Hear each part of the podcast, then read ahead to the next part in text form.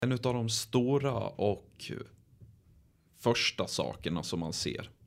Det är ju faktiskt väldigt roligt och det är ju att det finns ett väldigt aktivt arbete i Värmlands grundskolor. Mm. När det kommer till mänskliga rättighetsfrågorna och då att efterleva barnkonventionen. Och även om vi som vi kommer komma in på alldeles strax att det finns även såklart brister och saker som man ska jobba med så är den ändå den stora och första initiala delen är att den är närvarande. Mm. Vilket är väldigt roligt.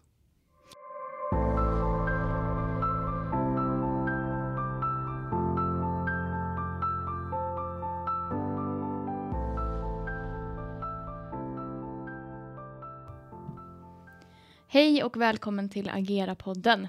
En podcast där vi på Agera Värmland tar upp frågor inom mänskliga rättigheter, demokrati och diskriminering.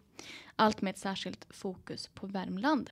Med i samtalet idag är jag, Nina Karlsson Norman, och jag har också med mig Johan, hallå! Hej! Eh, och Johan, du har ju gjort din praktik hos oss under hösten. Jajamän. Eh, ja, och det ska du strax få berätta lite mer om. Eh, och det är så att vi har ju genomfört ett projekt som framförallt du har arbetat med under den här tiden. Eh, under din praktik hos oss. Eh, och det är så att vi har genomfört en enkätstudie om barnkonventionen i Värmlands grundskolor. Eh, och det är det vi har tänkt prata lite mer om idag. Vad den studien visade och sådär. Eh, den här kommer också att finnas eh, att, att läsa på vår hemsida eller rapporten som blir efter enkätstudien rättare sagt. Och varför har vi gjort den här enkätstudien då? Jo, det är ju så att barnkonventionen har ju blivit svensk lag sedan ett par år tillbaks. Och skolan är ju en plats där barn vistas och måste vistas eh, utifrån skolplikten. Och därför tyckte vi att det är särskilt intressant och viktigt att lyfta barnkonventionen i just den här kontexten i skolan. Så mot bakgrund av det ville vi ju undersöka då barnkonventionens ställning och också närvaro i Värmlands grundskolor. Eh, så vi har frågat skolpersonal hur de tycker att skolan arbetar med olika delar av barnkonventionen och dess principer. Så Johan, om vi tar det lite grann ifrån början. Hur, eh, hur startade det här projektet? Ja, det startade ju med att jag fick möjlighet att komma hit egentligen till Agera Värmland. Och i och med att ni jobbar för demokratins idéer och mänskliga rättigheter här, vilket var mig väldigt varmt om hjärtat. Så kändes det ju att det fanns en väldigt stor bred ingång till olika projekt som man ska göra när man gör en praktik vid universitetet. Så då kom vi in på det här med barnkonventionen, barnens rättigheter. Och vi kom rätt snabbt in på hur viktig skolan är i relation till barnkonventionen och vilken stor del den har. Och därifrån så startade vi det här med fokus på barnkonventionens grundprinciper då, som är artikel 2, 3, 6 och 12. Mm. Och därifrån var det igång. Ja, precis. Och just det här med, med rättighetsfrågor kopplat till barn och unga är också något som du eh, har ett intresse av. Eller hur? Och eh, något som du har tänkt eh, ja, lyfta i dina fortsatta studier. Ja, det, ja, innan jag började på universitetet så jobbade jag både inom förskola och grundskola.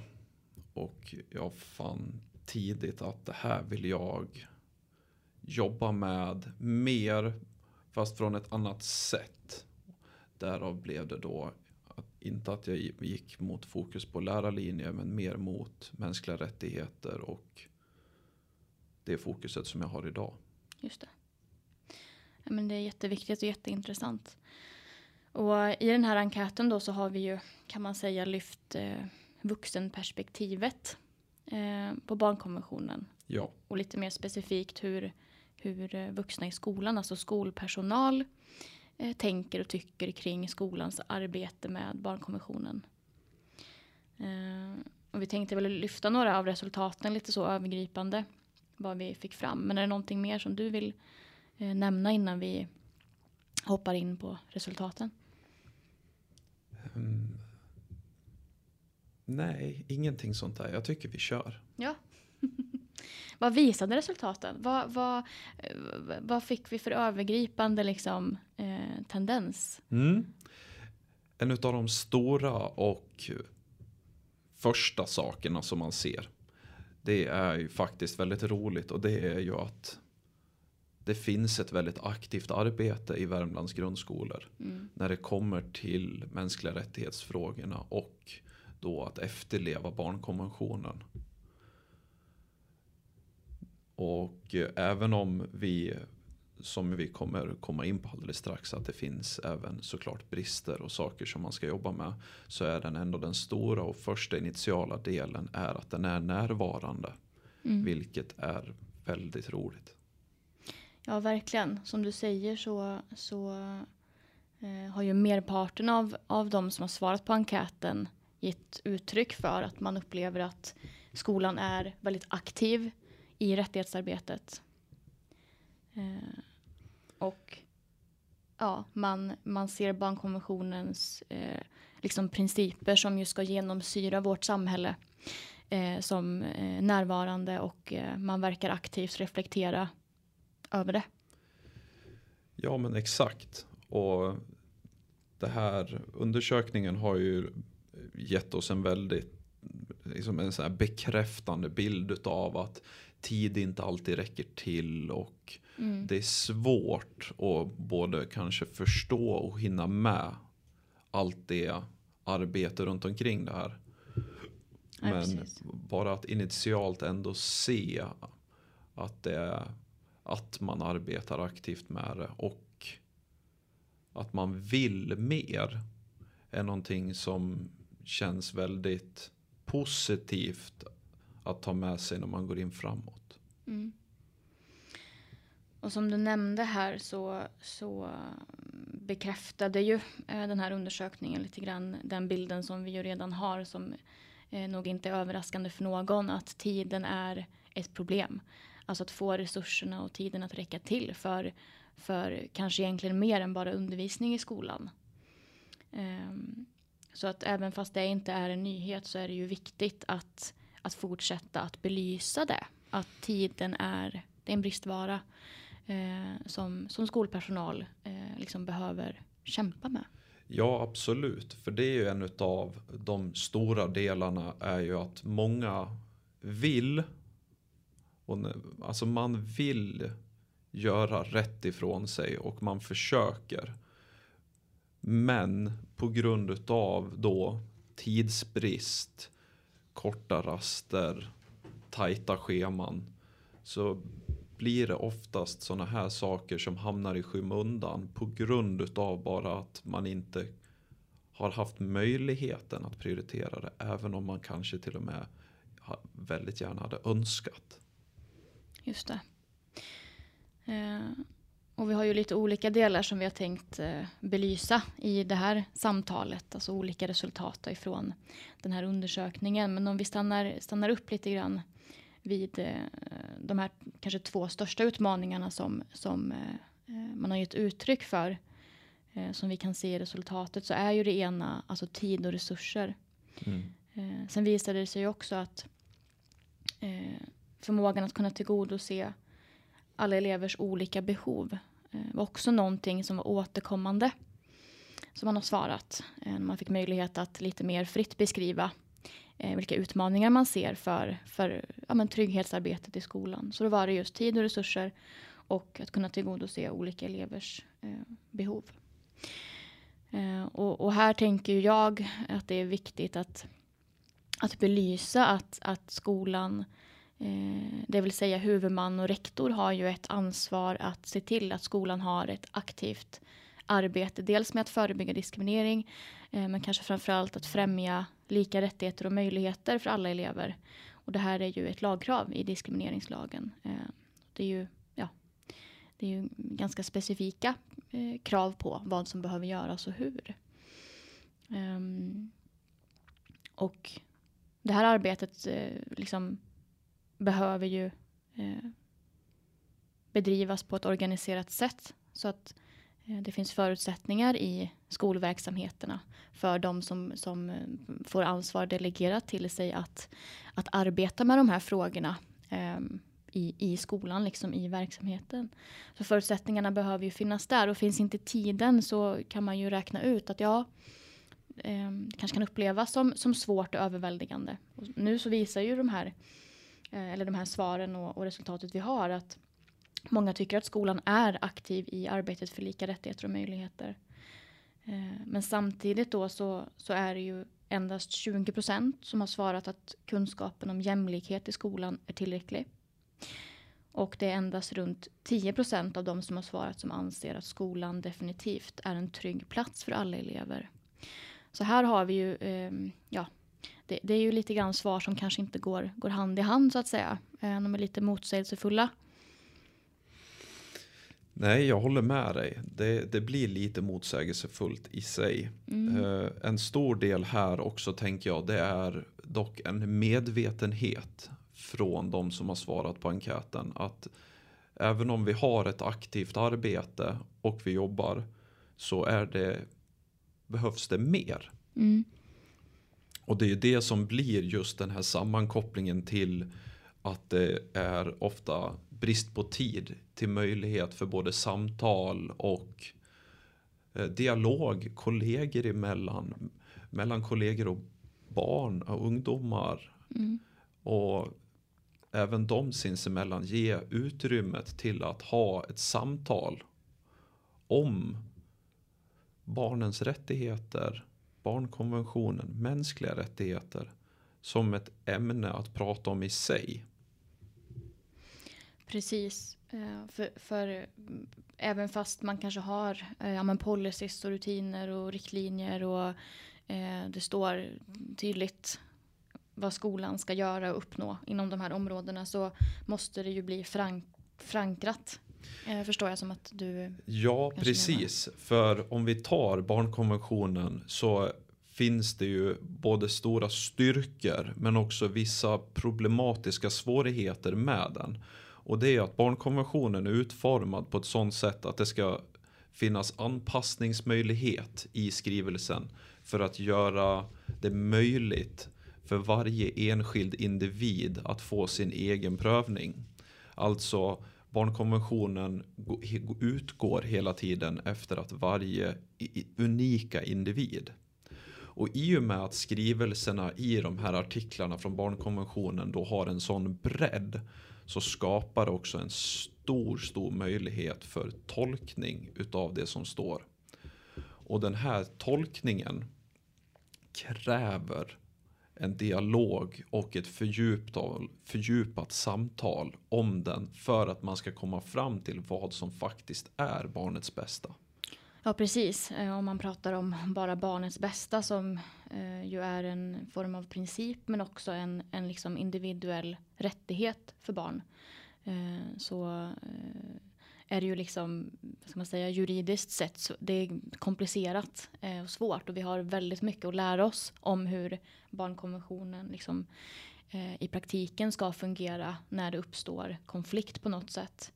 Eh, så det är ju en del och, och jag tänker ju att att personal i skolan och så, de, de gör ju de här bedömningarna varje dag och ställer sig inför det här arbetet varje dag och arbetar ju med barns rättigheter hela dagarna. Eh, så kan man ju säga. Ehm, men, men just de här lite kanske mer eh, djupa meningarna och innebörden av barnkonventionen ehm, eh, där har vi ju liksom framförallt staten eh, som skyldighetsbärare som ska se till att det här på olika sätt genomförs i Sverige genom lagstiftning och genom eh, olika politiska beslut och sådär. Eh, men sen så kommer ju ändå de här principerna eh, och de konkreta rättigheterna som varje barn har att, att spelas ut i de praktiska verksamheterna. Eh, så då är det ju såklart rimligt att det finns, att, att det är förankrat. Eh, såklart och att det finns liksom plattformar att att, eh, och forum att diskutera frågor kring barnkonventionen och eh, hur skolan ska förhålla sig till det här. Eh, ja, det faktum att barnkonventionen blivit svensk lag och så vidare. Det finns ju väldigt mycket eh, som vi kan lyfta här. Det eh, går att prata hur länge som helst om de olika perspektiven och, olika artiklar i barnkonventionen inte minst och de här grundläggande fyra principerna som liksom ska genomsyra det här helhetstänket. Ja, och om vi, om vi fortsätter och tittar på några nedslag ur statistiken så eh, framkommer ju också att det är mycket få som tycker att skolan är anpassad för barns olika förutsättningar. Ja. Eh, och det här eh, lyfts ju också som en utmaning att kunna tillgodose elevers olika behov. Och det är ju Mm. anmärkningsvärt såklart eftersom att vi alla är olika, eh, så även barn. Eh, vad tänker du där Johan? Ja, jag är inte förvånad över att man tycker att det är svårt. Nej. Det jag tror har varit en stor, om man får säga, problematik i att försöka tillgodose barns olika behov och förutsättningar. Så handlar det mycket om att man utifrån rapporten verkar vara lite rädd för att göra fel. Och i den här rädslan av att man kanske är rädd att göra fel blir passiv. Och när det finns väldigt olika klassrum med väldigt olika eh, barn i som alla behöver sin form av anpassning så är det inte konstigt att det är liksom en, en av de stora delarna. Och här blir jag kanske lite tjatig. Men jag kommer gå tillbaka till eh, hur det här också blir sammankopplat till vikten av att kunna ha dialog och samtal mellan kollegor och andra i sådana här och även det närliggande samhället att man mer på en övergripande nivå får möjlighet att bolla sina tankar omkring sånt här. Ja men hur ska man gå tillväga här egentligen? Och nu vet jag, för jag eh, har ju varit själv i skola tidigare och man pratar mycket mellan kollegor och man har dialog mellan varandra för att komma framåt. Men jag tänker också att man ska försöka lyfta fram en dialog som kanske mer är centrerad kring barnkonventionen för att man ska komma in mer i ett barnrättsperspektiv och barnets perspektiv mer. För barnkonventionen finns här som ett verktyg för att hjälpa barn. Och därför anser jag också att det är viktigt att man som vuxen tar till sig det verktyget och den hjälpen som faktiskt barnkonventionen ger oss på det sättet. Ja, precis. Det eh, kanske inte bara är ett instrument som säger åt oss vad vi måste göra utan eh, kan också funka som vägledning. Och det här är något som man jobbar med att ta fram också, alltså vägledningar för hur barnkonventionen kan användas och vad som krävs. Så. Men eh, på tal om eh, olika behov och anpassningar och också barnets bästa så eh, kom det ju ganska nyligen en väldigt intressant artikel, eller hur? Som vi har pratat lite om, eh, som lyfter liksom Ja men kanske lite av de här komplexa perspektiven på vad är barns bästa kopplat till skolan, eh, skolplikt. ehm, Ja, jag läste ju precis. Jag läste en insändare från DN tror jag det var. mm, Som släpptes i december. Där de pratade om hur barn idag har, man man har skolplikt. Och det tvingar barn till att vara i skolan under väldigt långa tider. Och där pratar de om att barnkonventionen, om man pratar i, från engelskan, så säger den inte skolplikt utan det är primary education. Alltså ett bättre översatt ord pratade den här insändaren om skulle vara läroplikt. Exempelvis. Att man inte ska vara tvingad till kanske att vara en skolmiljö så länge om man upplever att den inte är anpassad för dem. Och det här är ju liksom en intressant tanke som jag tänker att man kan ta med sig vidare och titta mer på. Men just också hur det blir ett till lager av komplexitet i att barnkonventionen tolkas olika på olika språk. Ja, precis. Eh, och, det, och det här är ju ett samtal och en diskussion som, som förs och som pågår. Alltså eh, hur ska vi förhålla oss till skolan? Hur ska barn eh, förhålla sig till, till skolan? Man lyfter det här att det är inte alla barn som mår bra i skolan, det vet vi ju. Eh, våra resultat kring det här med trygghet och liknande, det är ju sånt som bekräftas även i andra rapporter som görs. Eh, vi vet att alla barn inte upplever sig trygga i skolan. Så eh, liksom, vilken konflikt kan uppstå eh, mellan, mellan det, att barn inte upplever sig trygga i sin skolmiljö men är tvingade att vara där. Eh, det är ju en väldigt viktig och intressant eh, fråga som eh, vi nog behöver uppmärksamma mer kanske. Ja, och jag har haft lite tankar omkring det där. För jag har i olika former hört den här dialogen ute i samhället där många pratar om att barn har fått tagit över skolan. Mm. Att eh, barnen bestämmer ju allting nu. Vi mm. som vuxna har ingen möjlighet att eh, kontrollera eller göra någonting alls. Och då tänker jag om vi backar tillbaks lite grann och tittar på det här med att till exempel i våra rapporter, de säger att endast 20% upplever att kunskap om jämlikhet är tillräcklig. Eller att endast 10% svarar och säger att skolan är en trygg plats. Det betyder ju att det är väldigt många som inte har det bra i skolan. Och att då vara utåtagerande och kanske försöka hitta andra outlets för att få sin röst hörd känns inte alls orimlig. Nej. Precis. Och, och hur kan vi då ställa det i relation till skolplikten? Eh, det kanske är ett samtal vi, vi ska ha ännu oftare. Alltså, ska vi ha den här typen av skolplikt? Och, och här lyfts ju också problematik med så kallade hemmasittande barn in. Eh, kanske ett begrepp som, eh, som ja, jag personligen inte eh, tycker så väl beskriver eh, eh, vad de här barnen faktiskt kanske går igenom. Alltså att skolmiljön inte på olika sätt funkar. Eh, så att det, det, finns ju många aspekter här. Ehm. Nej, absolut. Och det är ju det som är liksom den stora utmaningen i själva arbetet om vi tar barnkonventionen som helhet det finns så otroligt många lager och det finns så otroligt många parallella och liksom överliggande delar utifrån samhället som går in i varandra här. Där det helt plötsligt kan finnas någonting som man kanske från början känner sig, ja men det här är rätt enkelt, vi ska jobba mot det här. Och sen märker man, oh shit, det, det fanns så mycket mer till det.